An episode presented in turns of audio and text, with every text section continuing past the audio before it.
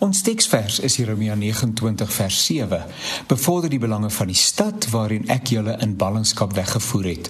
Bid tot my vir daardie stad, want sy belange is ook julle belange.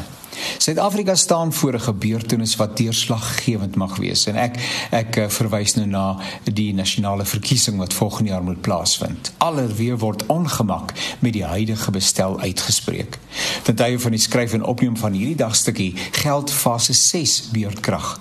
Ons het al so gewoond geraak daaraan dat ons ons lewens inrig na aanleiding van die gepubliseerde skedule van die kragvoorsiener. Ons vererg ons nie meer nie. Ons raak gewoond aan die status quo. Baie van ons is bederf. Ons het ander maatreëls in plek sou die ligte afgaan.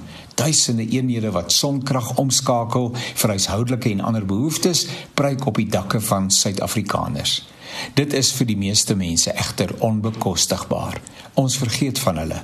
Ons hoor van die ongerief wat hulle verduur. Dienslewering bestaan op vele plekke nie. Om te midde van die chaos wat in sommige gemeenskappe heers te oorleef, is in sigself 'n prestasie. Môreoggend moet die kinders skool toe. Vanaand moet hulle skoon kom. Iewers moet mense aan hulle normale liggaamsfunksies aandag gee.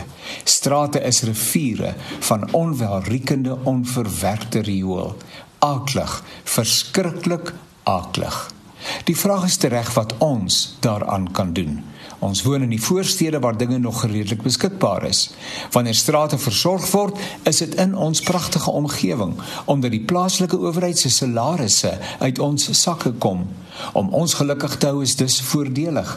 Maar dis daardie stikkende mense van alle ouderdomme wat 'n mens se hart raak.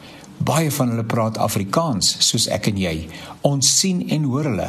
Ons hoor die ontsteltenis, ons harte bloei. Wat kan ons doen?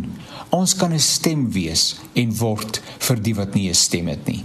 Ons kan hand uitsteek en probeer help. Ons kan saam met mense wat bymekaar kom om hulle ontsteltenis te kenne te gee, proteseer. Ons kan identifiseer met mense in nood. Ons kan registreer en opdaag by die stembus volgende jaar. Ons kan ons vriende opskerp om dieselfde te doen en ons kan bid.